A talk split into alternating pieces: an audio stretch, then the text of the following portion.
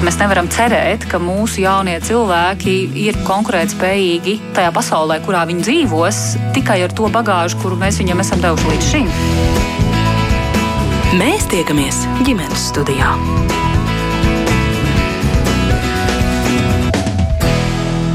Labdien! Draugi, kolēģi, domu biedri, šis ir tas brīdis, kad mēs varam palīdzēt un ziedot pašu mazumiņu tām ukraiņu ģimenēm, kuras nonākuši pie mums Latvijā. Jāatzīst, ka mēs esam lieliski drēbes, esam sagādājuši visiem, bet ir viens bet. Trūkst ikdienas sadzīves tehnikas, piemēram, tāda elementāra lieta kā teikana, kur uzsildīt ūdeni, lai uzliet tēju, apliet putru vai pagatavot bērnam maltīti. Facebook raksta komunikācijas speciāliste Kristīna Tjārve. Šodien Ukrāņu atbalsta centrā Vēnspils ielā bērni jautāja pēc bumbām, mašīnītēm un skateboardēļiem. Ja nu jums kas tāds stāv nelietots, atvediet šeit, izmantojot sociālo tīklu vareno spēku, mudina Anete Konste. Netālu no ogres ir viesunams, kurā izmitināti 57 ukrāņi. Man ir ideja šiem bērniņiem sagatavot saldumu paciņas. Varbūt kāda mamma vēlas to paveikt kopā ar mani, Tā ir Ineses Gruznovas ideja. Tīmeklis burtiski piebirs ar šādiem līdzīgiem paziņojumiem, vai tas liecina, ka cilvēku vēlme palīdzēt nav apsīkusi, un kā atbalstā un labdarībā iesaistīt bērnus. Šos jautājumus studijas viesiem uzdošais Mērķis Notiņa, un man prieks, ka pie mums šeit studijā ir Latvijas platforma attīstības sadarbībai direktore, brīvprātīgo kustības viegli palīdzēt pārstāve Inese Vaivare. Labdien! Labdien! Un pat tālruni arī Ziedot LV vadītāja Rūta Dimanta. Labdien, Rūta! Labdien!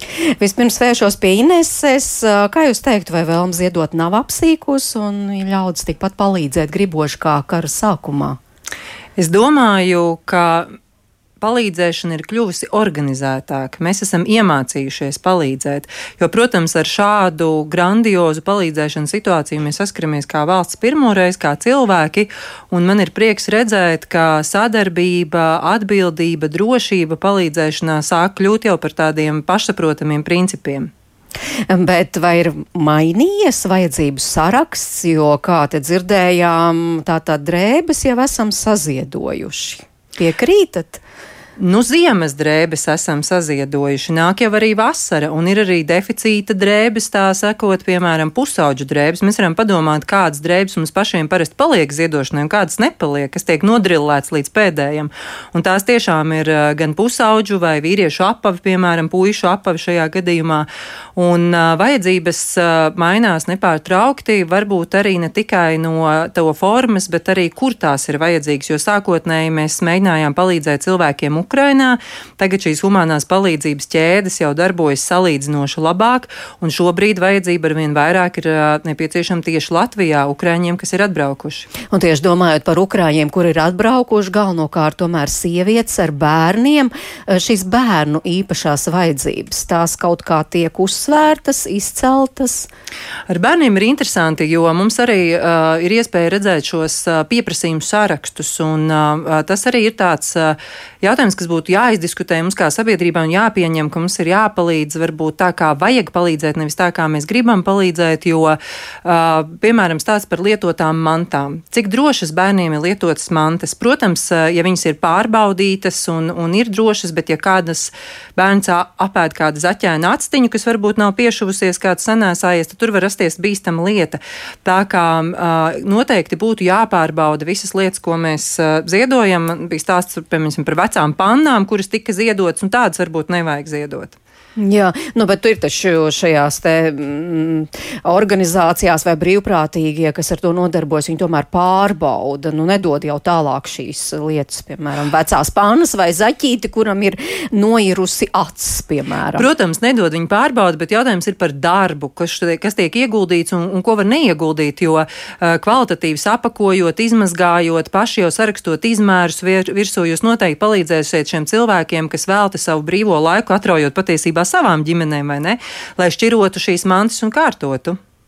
Vēršos arī pie Rūtas, tātad ziedot LV, uh, lielākais droši vien, uh, lielākā platforma, starp kuras iziet šī finansiālā palīdzība. Šobrīd cik ir saziedots? Jā, tātad uz šo brīdi Latvijas iedzīvotāji ir saziedojuši 7,2 miljonus eiro. Tas ir tikai naudā. Protams, ka vēl ir ziedojumi mantā un graudā un pakalpojumos un transportā un tā tālāk.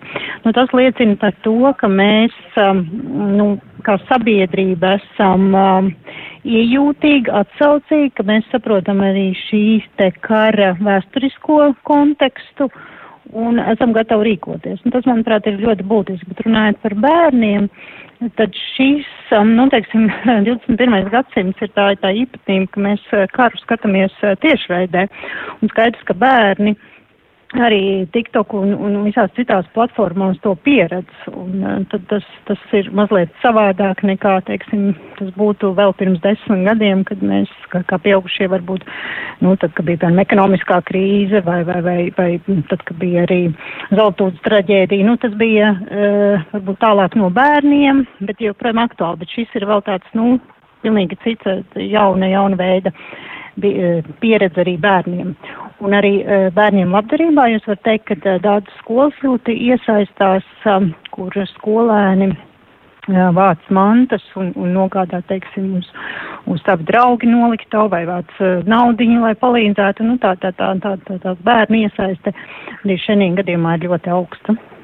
Jā, bet vērojot to finanšu plūsmu, kā jūs secināt, eh, palīdzība, protams, pašā sākumā bija ļoti aktīvi cilvēki vēlējās ziedot, palīdzēt. Tas nav mazinājies?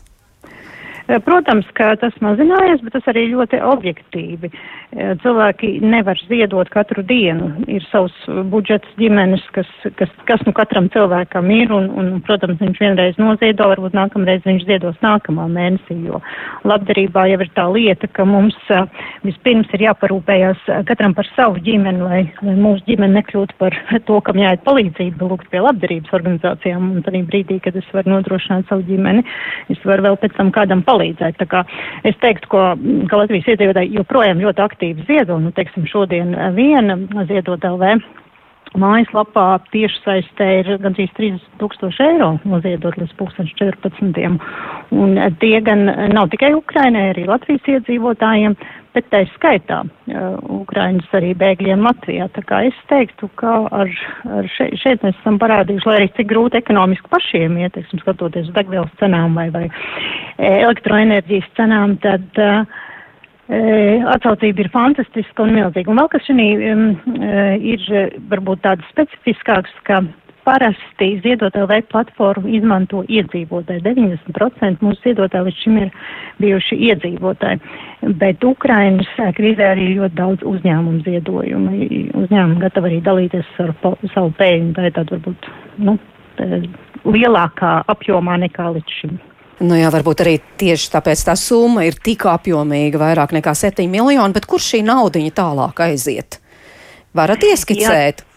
Jā, tā tad um, šī nauda ir, tiek lietota divos faktiski tādos lielos virzienos. Viens ir palīdzība Ukrainai, un tas ir vislielākais, uh, kas aiziet tieši uz Ukrainu. Mēs esam līdz šim izlietojuši palīdzībai 6,8 miljonus eiro tad 5,8 ir tieši aizgājuši uz Ukrainu, jo uzskatām, ka nu, Ukrainā pašlaik ir viss trakāk. Mēs šeit tomēr nekas uz galvas nekrīt un, un uh, cilvēki ir drošībā, tāpēc tā primārā palīdzība tiek sūtīta uz Ukrainu. Nu, piemēram, medikamenti un medicīnas preces uh, nosūtīt vairāk kā miljons eiro vērtībā. Uh, humānā palīdzība, tāda, kas ir, nu, tā ēdiens, Sadzīves preces ir 800 tūkstoši mm, eiro apmērā. Un aizsardzībai atbalstam tie 3,8 miljoni eiro. Un tas ir, nu, dažādas lietas, gan ātrās palīdzības mašīnas, gan uh, speciālais aprīkojums, kvadracikli mašīnas, uh, taktiskais ēdiens, bruņu vestes, uh, datortehnika, uzkabas vestes. Nu, tur var saukt un saukt. Ziedot LV mājaslapā ļoti precīzi atskaita, ka katrs iedotājs var arī apskatīties. Un uh, savukārt tā, tā, tā otrs virziens ir uh, palīdzība Latvijā tiem cilvēkiem, kas ir atbēguši un izvēlējušies par savu pagaidu mītnes zemi, kamēr uh, garš um, tur vēl turpinās Latviju, ir izlietots vairāk kā miljonus eiro. Un te ir faktiski divas tādas lielas, divi lieli virzieni. Pirmais, ka mēs palīdzējām kongresa namā desmit dienas siltu zupu kopā ar uh, restorānu asociāciju nodrošināt, un otrs ir uh, dāvanu kartes katram Ukrainas bēglim, vienalga pieaudzis vai bērns, 50 eiro apmērā. Tad, ja mamma ir ar trīs bērniem, tad viņi var saņemt uh, 200 eiro dāvanu karti kādā no pārtikas tīklu veikaliem vai aptiekā vai, nu, un tas ir ar tādu iemeslu tiek, un, un to saņem tikko tu reģistrējies pašvaldībā, kuro, kurā tu paliec. Tas ir tādu iemeslu, kā uh, ir ļoti, nu, iedomājieties, ja mēs būtu izgājuši pārgājienā ar vienu mugursomu un atnākuši atpakaļ, mums vairs nebūtu mājas, nu, tā, tā ir tā bēgļu situācija, nu, kad nevar visu dabūt labdarības noliktavās, nu, apakšveju nu, to, to, to lietot, un nu, tā, tādas nav zobu birstas lietot. Nu, tās lietas, un kad tie cilvēki, Ukraiņi, viņi var iet veikalā un nopirkt tieši tas, kas viņiem tagad ir viss nepieciešamais, tā tāds brīvā izvēle. Un tad jau, protams, nu, to, ko nevar atrast labdarības noliktavās vai ko nu, nepiedāvā kāda cita veida palīdzību. Jā. Un šo te, šos te dāvanu kartes gribēju pateikt, lai, lai nebūtu, mēs izdalām ar pašvaldību starpniecību. Jā, Rūti, jūs jau teicāt, bet tomēr varbūt vēlreiz akcentējiet, bet cik būtiski, ka šo ģimenes, kuras iesaistās labdarībā, ka gan pārunā ar bērniem, gan dara to kopā ar bērniem, kā jums šķiet, cik tas ir svarīgi? Es domāju, tas ir ļoti svarīgi, jo empātija un uh, spēja palīdzīt otram, pilnīgi svešam cilvēkam, uh, rodas ģimenē. Tas ir tās ir ģimenes vērtības, ko mēs nevaram tā, nu, ar direktīvu nekādā ziņā vai, vai, vai ar mācību programmu vienkārši pateikt, ka tas ir jāizdara. Bērni mācās no vecākiem, un šis bērniem laiks ļoti trauksmēns, un tad, kad, kāpēc arī mēs kā pieaugušie ziedojam? jo mēs negribam būt vienkārši neko nedarīt. Mēs gribam iesaistīties, lai, nu, tas nav iespējams palikt malā un skaidrs, ka mēs nevaram aizbraukt uz Ukrainu karot, mēs nevaram apturēt ar savām rokām karu, bet kaut kā mēs varam palīdzēt. Un tad mēs varam palīdzēt ar savu naudu, ar savu laiku ziedojot. Un uh, tas arī jāparāda bērniem. Šādi mēs arī bērniem palīdzam novērst trauksmi. Jo, ja mēs vienkārši skatāmies uh, televīzijā vai bērni savās um, sociālos sociālo tīklu platformās, nu tās skaras šausmas, tad nerīkojoties, tu kļūsti bezpalīdzīgs, un arī bērniem ir vieglāk pārvarēt jebkuras, nu, teiksim, tādas trauksmēs situācijas darbojoties. Jā, nu, nevelti, ka cilvēks nomirst, kāpēc ir tik svarīgi darboties bēru organizēšanā, tu spēj, ka par kaut ko citu padomāt, nevis par to, par to sāpi, tikai, nu, tā darbošanās. Un tāpēc arī tie vecāki, kas iesaist bērniņus arī palīdzību augnēņiem, viens, ka māca empātiju, un otrs, ka palīdz šo te trauksmi novērst tādā pozitīvā, nu, darbības gultnē. Inese, ko jūs te piebilstu?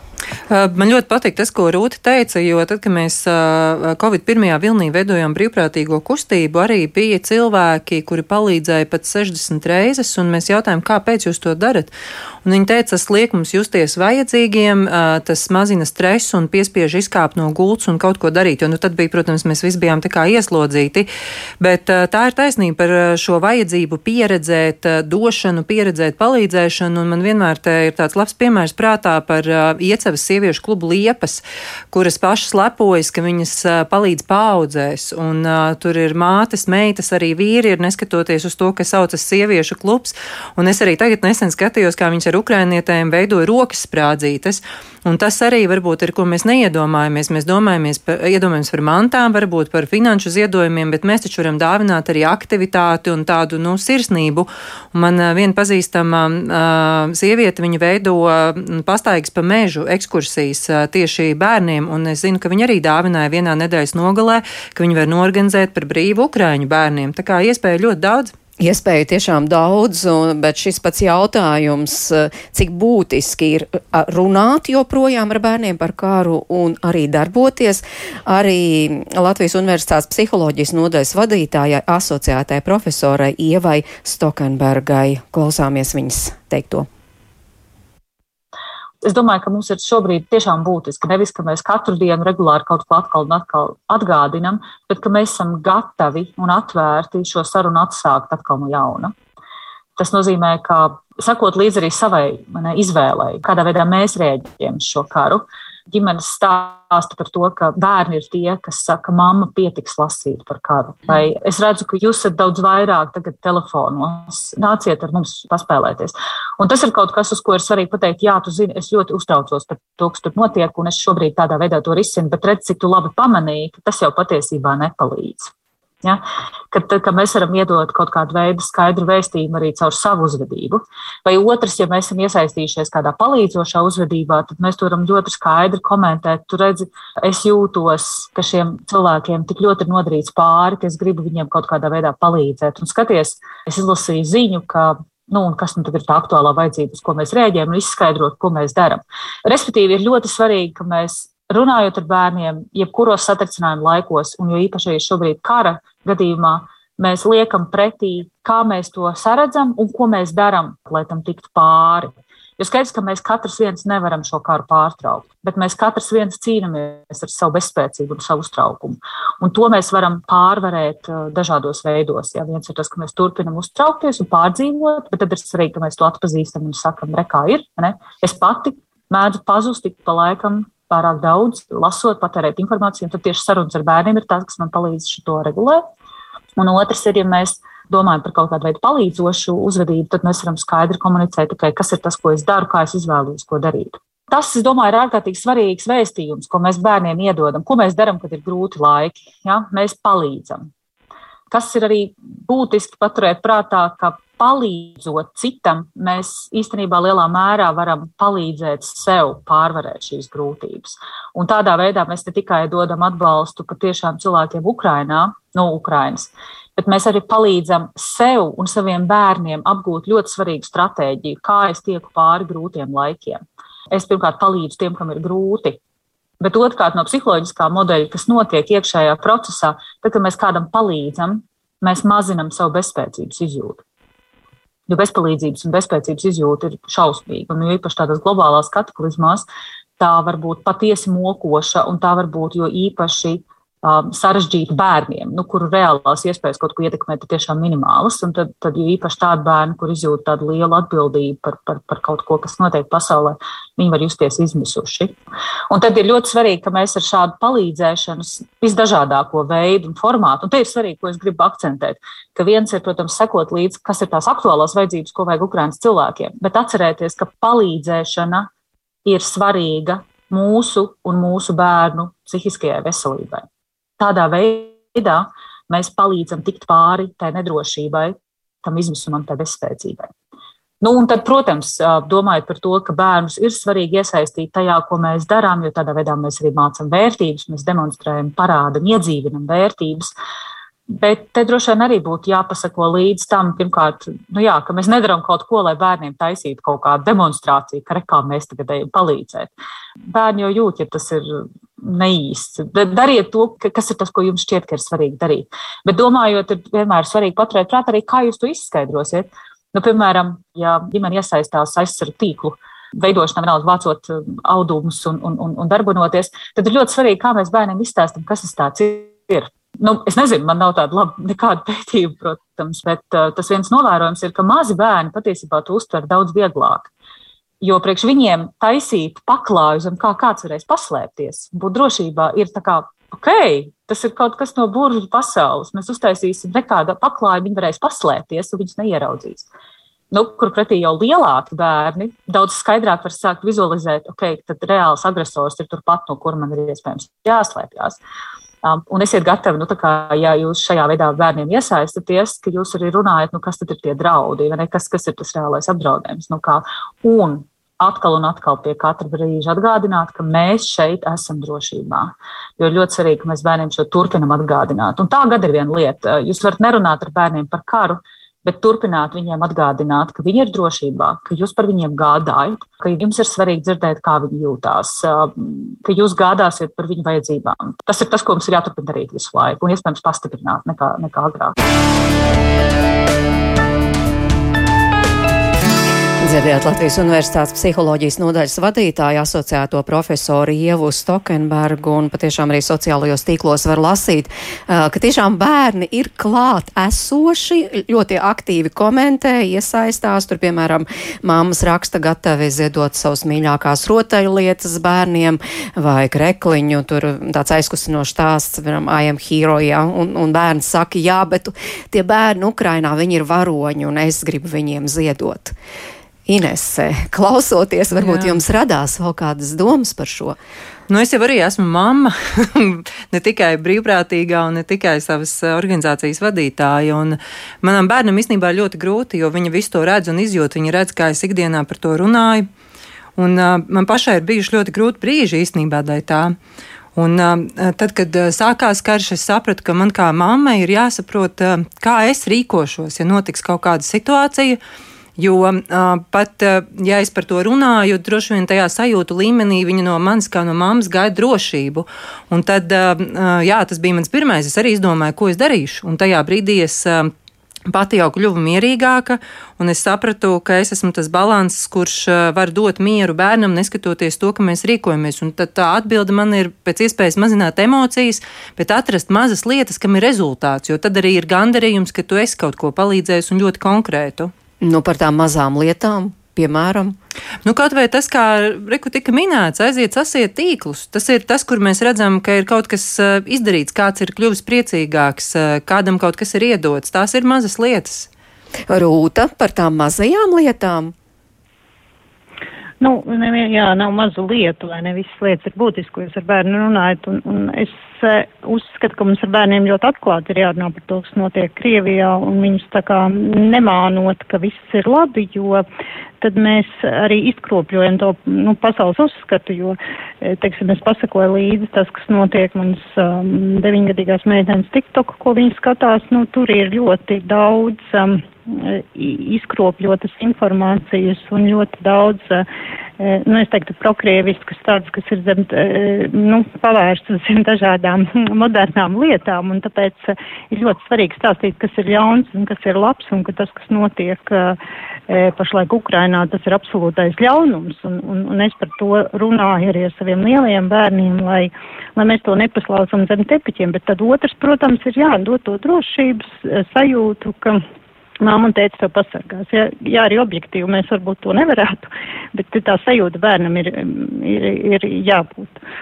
Bet, eh, nu, es domāju, ļoti grūti ir tas, ka, piemēram, es arī, es pati jūtos ļoti bezspēcīga šobrīd, tāpēc, ka, ja mēs kā sabiedrība, pasaules neapturēsim šo karu, tad cilvēcei nav nākotnes, jo mēs pašlaik, es domāju, mēs tādā plašākā slēpjamies, nu nevis slēpjamies, nespējam nodot savus materiālo labklājību rietumu pasauli un, un mierīgi noskatāmies. Un eh, es nezinu, kā es atbildēšu saviem bērniem, kad, kur man jautās, nu, kāpēc jūs pieaugušie neizdarījāt pietiekami daudz, lai apturētu šo tas, kas notiek Bučā un, un citās pilsētās. Un, un, un, godīgi sakot, es nezinu, kāpēc tas netiek apturēts, tāpēc, ka jo tālāk no Ukrainas robežas, jo tā lielāka vienaldzība, acīm redzot, rietuma Eiropas politiķus. Un es jūtos ļoti, ļoti bezspēcība šī situācijā. Tāpēc, ka es neko nevaru ietekmēt, es varu palīdzēt, bet es nevaru izmainīt šo te ārprātu, un, un, tas, un to bērni jūt. Nu, un tā kā melot viņiem arī nevar, viņi jau jūt, kā mamma jūtās. Jā, bet mēs atgriežamies pie šī, bet var palīdzēt. Un bērni arī to ne tikai jūt, bet arī redz, un viņiem tas ir ārkārtīgi nozīmīgi. Uh, bet gribēju jums jautāt, nu vai tomēr arī nav kaut kāds darbas piliens, nu, piemēram, nav manīts, ka kāds šo ļaunprātīgi izmanto, jo ir tās lielās iniciatīvas, nu, pilnīgi skaidrs, ja noziedoši ziedot LV, nu, pilnīgi skaidrs, kur tā naudiņa, piemēram, nonāks, bet uh, arī tās mazās un ļoti jaukās iniciatīvas, nu, kaut vai par šīm konfektēm, fantastiski, ka māma ir izdomājusi, bet varbūt kāds to izmanto izmanto ļaunprātīgi vai var to izmantot ļaunprātīgi? Nu, jebko jau var izmantot ļaunprātīgi, uh, un kā, nu, tas mans profesionālais darbs ir šīs palīdzības sniegšana gan starptautiskā līmenī, tad, uh, protams, situācijas ir dažādas, un varbūt nevienmēr tā ļaunprātība ir definējama ļaunuma izpratnē, jo, piemēram, uh, kaut kam ir beidzies derīguma termiņš, piemēram. Nu, tā nav tīra ļaunprātība, bet varbūt tas nav pārlieku atbildīgi. Es varētu teikt, ka to noteikti to vērtību aspektu var apspēlēt, bet viens no principiem, ko palīdzības sniegšanā vienmēr ievēro, ir izsekojamība. Un, protams, šīs lielās iniciatīvas, kā Ziedot LV, kā šīs mājaslapas ar kartēm ar labdarības organizācijām, kuras sadarbojas un, un dažādām drošas vidas iniciatīvām, tās ir izsekojams, jo viņas ir tepat Latvijā. Sarežģītākā daļa varbūt ir sūtīšana uz Ukrajinu, bet arī tur Ukrainas valsts ir izveidojusi mājaslapu, kurā viņi sagaida, caur kuru tad mēs sniegsim šo palīdzību. Tā kā faktiski meklējot informāciju šajā centrālajā palīdzi Ukrainai mājaslapā, jau arī galvenā informācija informācija ir atrodama. Nu jā, tā kā tas būtu tas centrālais, kur skatīties. Rūta, vēl kas piepilstams, tiešām tās platformas, uz kurām var paļauties. Jā, nu es teiktu vienmēr tā, ja jūs pazīstat kādu cilvēku Ukrainā ļoti personīgi, kolēģis, tad sūtiet viņiem palīdzību pat tiešo, nu es domāju naudas palīdzību, ja tas ir vajadzīgs. Bet ja jūs nepazīstat personīgi, vienkārši saņemat kaut kādu uh, emocionālu vēstuli un liekas, ka jāatsaucās, nu tad tomēr drošāk izmantot ir, uh, teiksim, organizācijas, kuras uzņemās atbildību un pārbaudu. Cilvēks cilvēkam palīdzība ir vislabākā, bet tikai tad, ja jūs viņu pazīstat. Protams, vienmēr būs kāds, kas aukatīgi izmanto šo labdarības palīdzību, bet nu, tas ir vienkārši jānovērš un jāpalīdz, bet tādēļ mēs nedarbosimies, vai ne? Jā, un, protams, un labā vienmēr ir vairāk nekā tā sliktā, uh, bet te vēl mammu jautājumi mums. Uh, uh, lūdzu, pasakiet adresi, kur Rīgā centrā var ziedot pusauģu drēbes. Ines, varētu tā konkrēti atbildēt arī? Diezgan. Es pat varu pateikt, kur visā Latvijā var atrast šo informāciju. Ir izveidota karte, bet es tagad domāju, man būs grūti varbūt nosaukt, bet es mēģināšu. Karta do po mog.lv, dopomogi, kā, un tur ir visas labdarības organizācijas, kuras ir apliecinājušas, ka viņas tiešām dos Ukraiņiem ar visiem telefonu numuriem, darba laikiem, var sazvanīt un precizēt, ko tieši viņiem vajag. Un tad tas pats būtu arī atbildot uz vēl kādu jautājumu, piemēram, kur ziedot pirmās zīdaiņdrēbītes ratus, uh, vai pašam sekot līdzi Facebook grupās, vai kā jūs labāk ieteiktu rīkoties? Nu, vislabāk ir tajā kartē skatīties un atrast organizāciju, kuri jums ir vistuvāk, un uh, tad ar viņu arī sazvanīties. Nu, vienīgais, ko es arī saku, ir jāsaprot, ja to lietu šobrīd nevajag, tad nevajag. Ja ir jāpieņem arī tās izvēles iespējas, jo ir lietas, kuras, piemēram, mazu bērnu drēbsiņas tomēr ir diezgan daudz apritē. Ja? Līdz ar to varbūt patiešām šobrīd uh, kāds atsaka, bet pēc brīža varbūt tādu vajadzēs. Nu, tā kā sekot līdzi. Jā jā, atvērt savas sirdis, varbūt arī makus, un kā mēs te teicām, tas, tas tiešām ir palīdzoši visai ģimenei, ne tikai mammai un tētim, bet arī bērniem. Paldies par šo sarunu. Es saku mūsu studijas viešņām, tātad Latvijas platforma attīstības sadarbībai direktorai, arī brīvprātīgo kustības viegli palīdzēt pārstāvē Inesei Vaivarei un arī Ziedot LV vadītājai Rūtai Dimantai. Pēc dziesmas mēs sazināsimies arī ar organizācijām, kuras gatavs aktīvi iesaistīties. Vai arī dziesmas nebūs? Dziesmas nebūs, jā, bet tad tūlīt turpināsim sarunu. Mēs tiekamies ģimenes studijā. Un šajā brīdī es labdien saku nodibinājumu Karitas Latvija valdes priekšsēdētājai Inesē Šveklē. Labdien! Labdien! Tātad arī jūsu organizācija ir aktīvi iesaistījusies. Jums ir akcija, kuras mērķis, es tagad lasu, ar radošu darbību un līdzdalību Rīgas pilsētas sabiedriskajā dzīvē palīdzēt bērniem atgūties no psiholoģiskajām traumām, kas gūts Krievijas agresijas izraisītā kara rezultātā Ukrainā. Kas šī ir par akciju? Pastāstiet vairāk, lūdzu. Jā, šī brīnišķīga akcija, kuras, eh, kuras idejas autore ir eh, Gabriela Kabjēra. Un šīs akcijas rezultātā Kārķu ielā viens Ukraiņu atbalsta centrā brīnišķīgā telpā, lielā zālē ir izveidota bērnu istaba, kur bērni var nākt, kamēr vecāki gaida garās rindās, reģistrējoties, kārtojot dokumentus un tā tālāk nākt un uh, spēlēties. Tur ir rotaļlietas, tur ir daudz brīvprātīgie, un tur var bērni arī zīmēt, jo daudzi bērni ir ļoti, ļoti psiholoģiski traumēti, un viņiem pat sākumā ir grūti paņemt rokās zīmuļus vai krāsu otas. Kaut gan viņi iepriekš ir, varbūt pat daži ir mākslinieku bērni un ļoti daudz zīmējuši, viņi pēc šīs traumas nevar atgūties. Un šī iespēja, kur darbojas brīvprātīgie mākslinieki, arī vairāki brīvprātīgie mākslinieki no Ukrainas, bērni var sākt atkal zīmēt. Viņi var veidot no kartona, no papīra dažādas, dažādas mākslas priekšmetus, un tādā veidā tiek sniegts arī psiholoģiskais atbalsts. Brīvprātīgi ar viņiem arī sarunājas, uh, varbūt arī dzied, spēlējas, rotaļājas. Un šeit nāk ne tikai tie bērni, kuri varbūt atnākuši reģistrēties ar vecākiem, bet jebkurš bērns, no Ukraiņu bēgļu kopienas var apmeklēt šo centru. Un mēs ļoti aicinām arī sabiedrība ziedot bērniem nepieciešamos mākslas materiālus, zīmuļus, papīru, audeklus, pasteļu zīmuļus, goša krāsas, otas, akvareļu krāsas, šķēres, krāsai no papīra un daudzus citus tādas, noteikti kancelējas preces, kuras ir nepieciešamas mākslas eh, nodarbībām. Un sirsnīgs paldies ne tikai Gabrielai, bet arī šiem brīvprātīgajiem no Ukrainas māksliniekiem, gan Agnesei, gan Antonam, gan Marijai kuri ļoti pašaizliedzīgi katru rītu, kā uz darbu, dodas uz Kaļķu ielu viens uz bērnu istabu.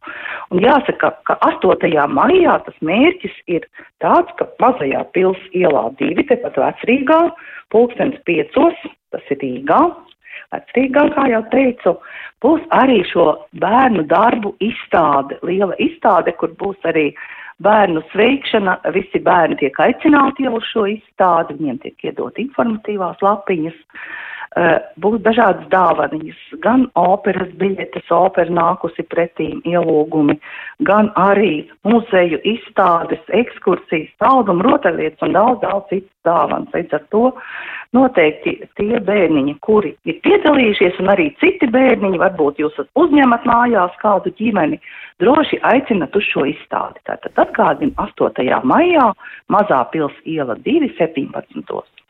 Un vēl gribu piebilst, ka klosteru ielā 5 dienas centrā svētās ģimenes māja, arī Karits Latvija, uh, sāk organizēt, un vakar jau bija pirmā pēcpusdiena Ukraiņu bēgļu kopienas pēcpusdienas Un tiešām šī tikšanās vakar bija ļoti, ļoti emocionāla, ļoti smaga, varbūt priekš mums. Cilvēki gribēja izrunāties, un arī katru nedēļu, pirmdienās no pieciem un trešdienās no trījiem, uh, Ukraiņu bēgļu kopienas cilvēki, kuriem tiks piedāvāts dažādas nodarbības, psihoemocionālā atbalsta nodarbības, psihologa konsultācijas, mākslas nodarbības, mākslas terapija, vienkārši lekcijas, izglītojošas lekcijas par mūsu valsti, par pilsētu Rīgu uh, Jā. var nākt uz šīm nodarbībām.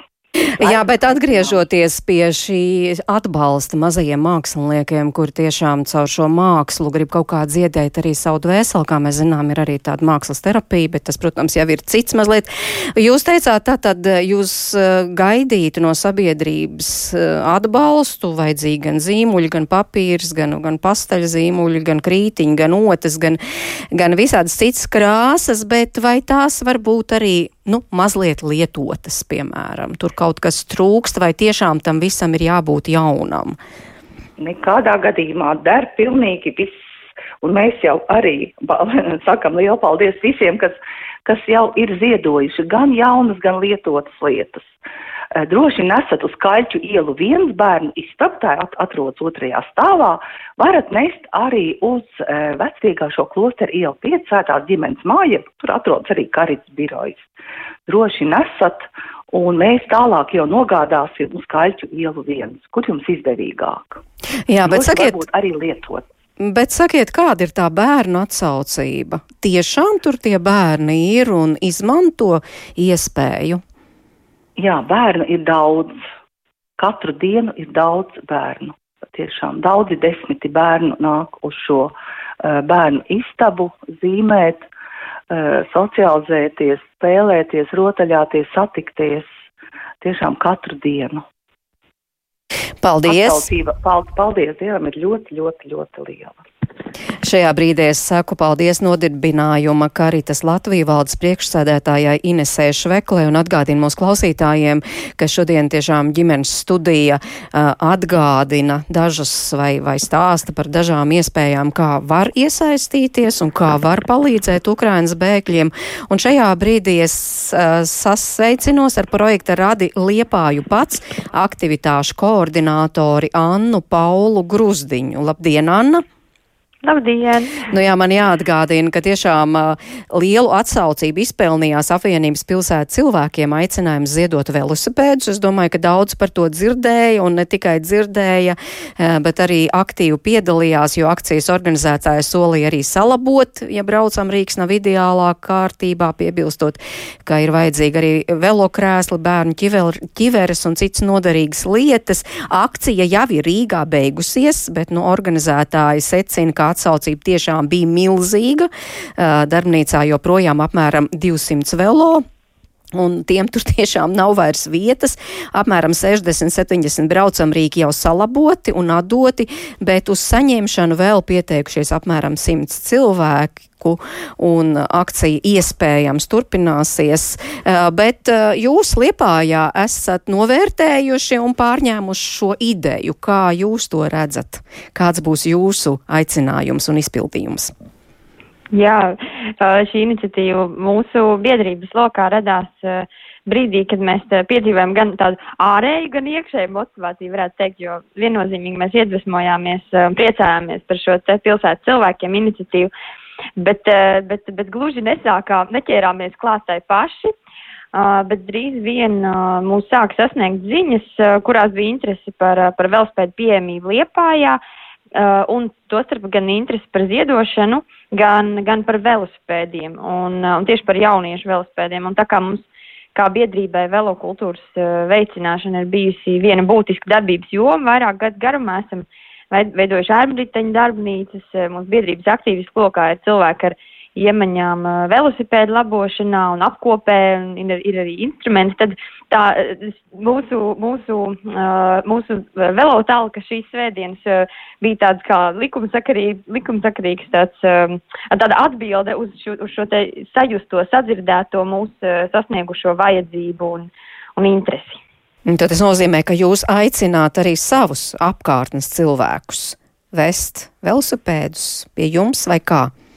Jā, mēs uh, aicinām uh, liepainiekus uh, ziedot velosipēdus vai velosipēdu detaļas vai akse, aksesuārus.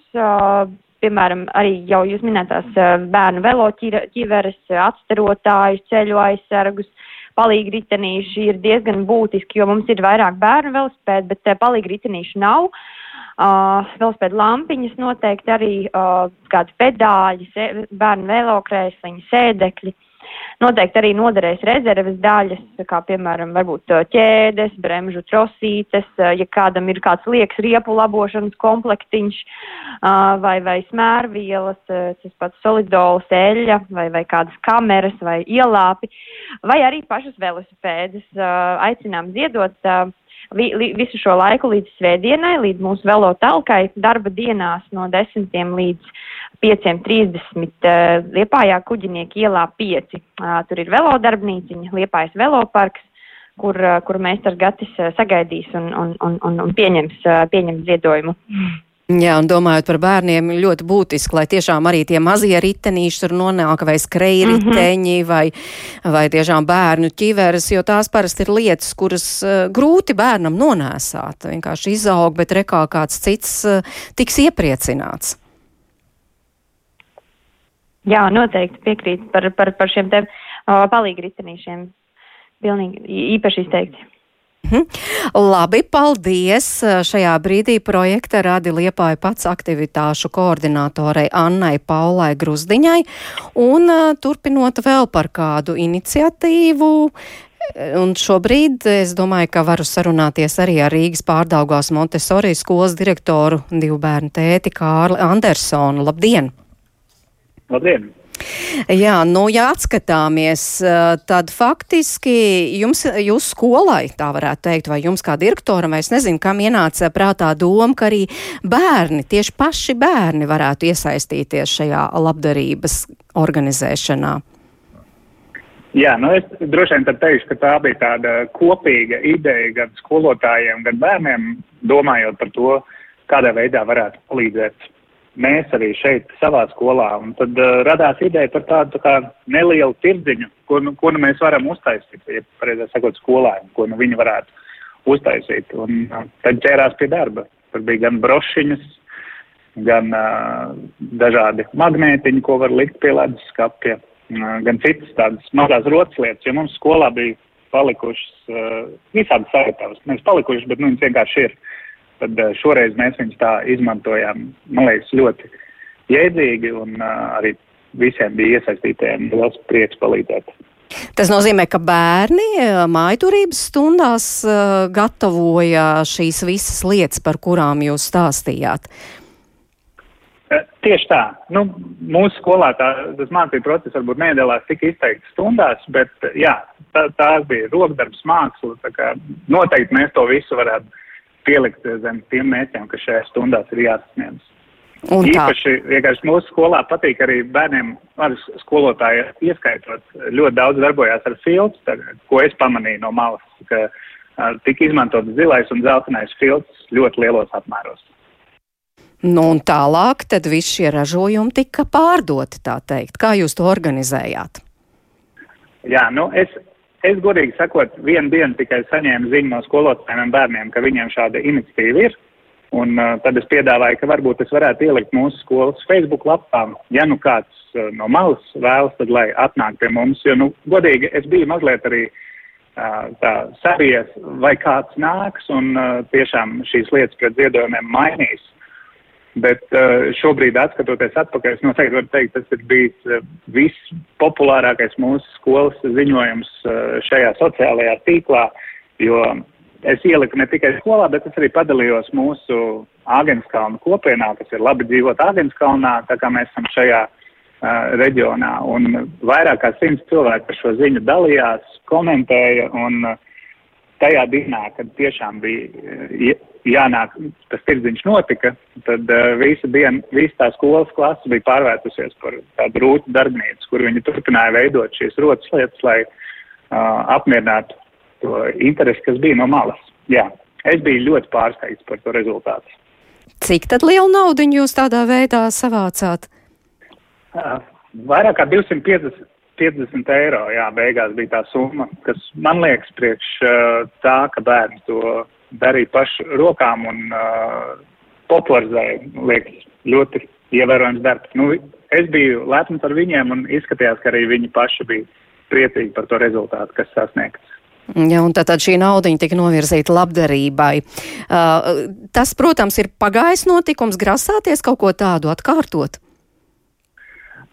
Šobrīd mēs, mēs, mēs par to runājām tajā mirklī, kad tas notika, ka bija diezgan populāri. Dotajā mirklī mēs neesam uh, plānojuši taisīt vēl kādu uh, šādu aktivitāti, bet uh, tas mēs arī sekojam tam līdzi, lai tā tomēr ir vairāk skolēnu iniciatīva, ne tikai skolotāji, ka mēs uh, aicinām viņus. Tā kā, ja būs, mēs noteikti atbalstīsim.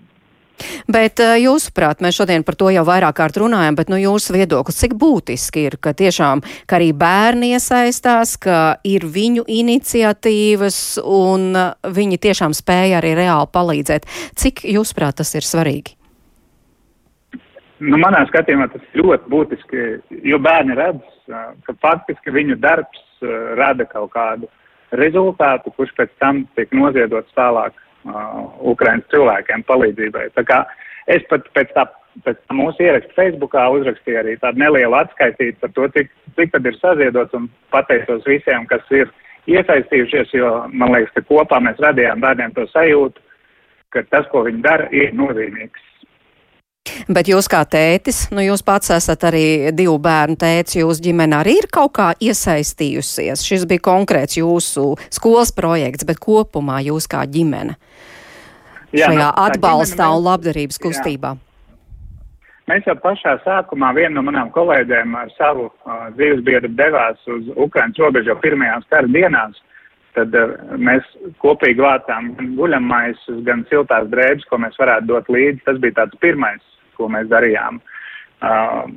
Tagad mēs arī noteikti noziedojām vienus ratus, kas mums jau bija ilgi stāvējuši un gaidīja kādu labu pielietojumu. Un ikdienā bērni redz, kā mēs palīdzam, jo mana sieva ir aktīvs uh, uzņēmēja mieram kustības dalībnieks. Viņa ļoti aktīvi iesaistās katru dienu, koordinē šo te uh, naudas plūsmu un kam ziedojumi aiziet. Tā kā viņa mājās redz, ka vecāki darbojās katru dienu šajā jautājumā. Un kā mēs eh, te dzirdējām, kā mums, piemēram, eh, psiholoģijas profesori teica, tas ienes tādu mieru. Nu, mieru pašos, mieru bērnos, mieru ģimenē. Nu, tieši tā, ja mēs vienkārši sēžam un uh, satraucamies, tad tas īsti nepalīdz. Nu, jāmeklē tas veids, kā mēs varam katrs kaut ko dot. Cits ar naudu, cits ar saviem darbiem. Uh, Un, uh, nu, at, atcaucoties to mūsu skolas projektu, man bija liels prieks tiešām, ka šāda iniciatīva no skolotājiem un skolēniem bija.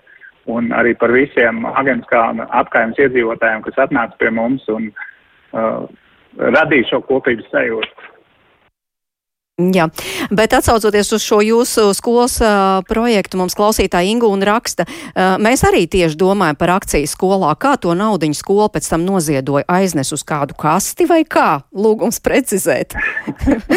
labs, labs jautājums. Nu, šī gadījumā es izdarīju vienkārši tā, ka to ziedojumus man bērni atnesa. Es aizskaitīju no savu privātā konta uz ziedot LV ar norādi, ka to noziedoja uh, pārdevos Montsorijas sākums vēl skolēnu un uh, tādā veidā mēs to organizējām. Bet es, tiešām man bija jautājums, kā es varu viņu aiznest. Es paskatījos ziedot LV mājaslapā, man nebija tādas iespējas, kuras varētu skaidru naudu aiznest. Tad, nu, šoreiz es tādu mehānismu izmantoju, ka es no saviem privātajiem līdzekļiem aizskaitīju, bet paņēmu tos ziedojumus kā skaidru naudu pie sevis. Nu, lūk, paldies. Tas bija Rīgas pārdaugos Montesori skolas direktors Kārlis Andersons. Ļoti dažādas ir tās iniciatīvas, un mums arī klausītāji Daiga raksta, klausoties. Esmu biedrības flamenko deju studijas Zambra vadītāja, un šodien dzirdot jūsu raidījumu vēlētos nosūtīt sekojošu informāciju par aktivitātēm palīdzības Ukrainai bēgļiem. Tātad 28. maijā notiks mūsu deju studijas labdarības koncerts, kurā uzstāsies arī meitene no Ukrainas, un iegūtie līdzekļi tiks novirzīti bēgļu atbalstam. Nu, lūk, vai arī, piemēram, jā, te arī dažādas tās iniciatīvas, piemēram, Svetlana raksta aizvilku visu ģimeni uz fotosesiju, neviens negribēja, visi mani heitoja, bet man gribējās kaut kādā veidā atbalstīt Ukrainas fotogrāfu, kuru pagaidām spiesta dzīvot Vēnspilī. Nu, lūk, neierobežotas palīdzības iespējas un ģimenes studijas vārdā tiešām tikai varu atgādināt, ka tas ir to vērts atvērt savu sirdi, atvērt savu maku šajā brīdī. Paldies jums, ka klausījāties. Jums saka raidījuma producenti Ilze Zvaigzne, Rīta Karnača pie skaņa pults un es mērīdzu notiņu pie mikrofona. Un aicinu uz tikšanos atkal rīt, 5 minūtes pāri diviem, jo mēs uh, akcentēsim pusauģu resursu centra tikko veikto aptauju, kura rāda, ka 70% gadījumu pusauģu labsajūta ir atkarīga no savstarpējās uzticības un attiecībām ģimenē, un uh, ka krietni lielākas grūtības piedzīvo bērni, kuri jau pirms pandēmijas saskārušies ar problēmām un īpaši izgaismojas sarežģītās attiecības viena vecāka ģimenēs, tad no rīt tiešām plašāk par šiem aptaujas secinājumiem un arī par pusauģu garīgo veselību Latvijā. Paldies, ka klausījāties un tiekamies rīt. Visu labu!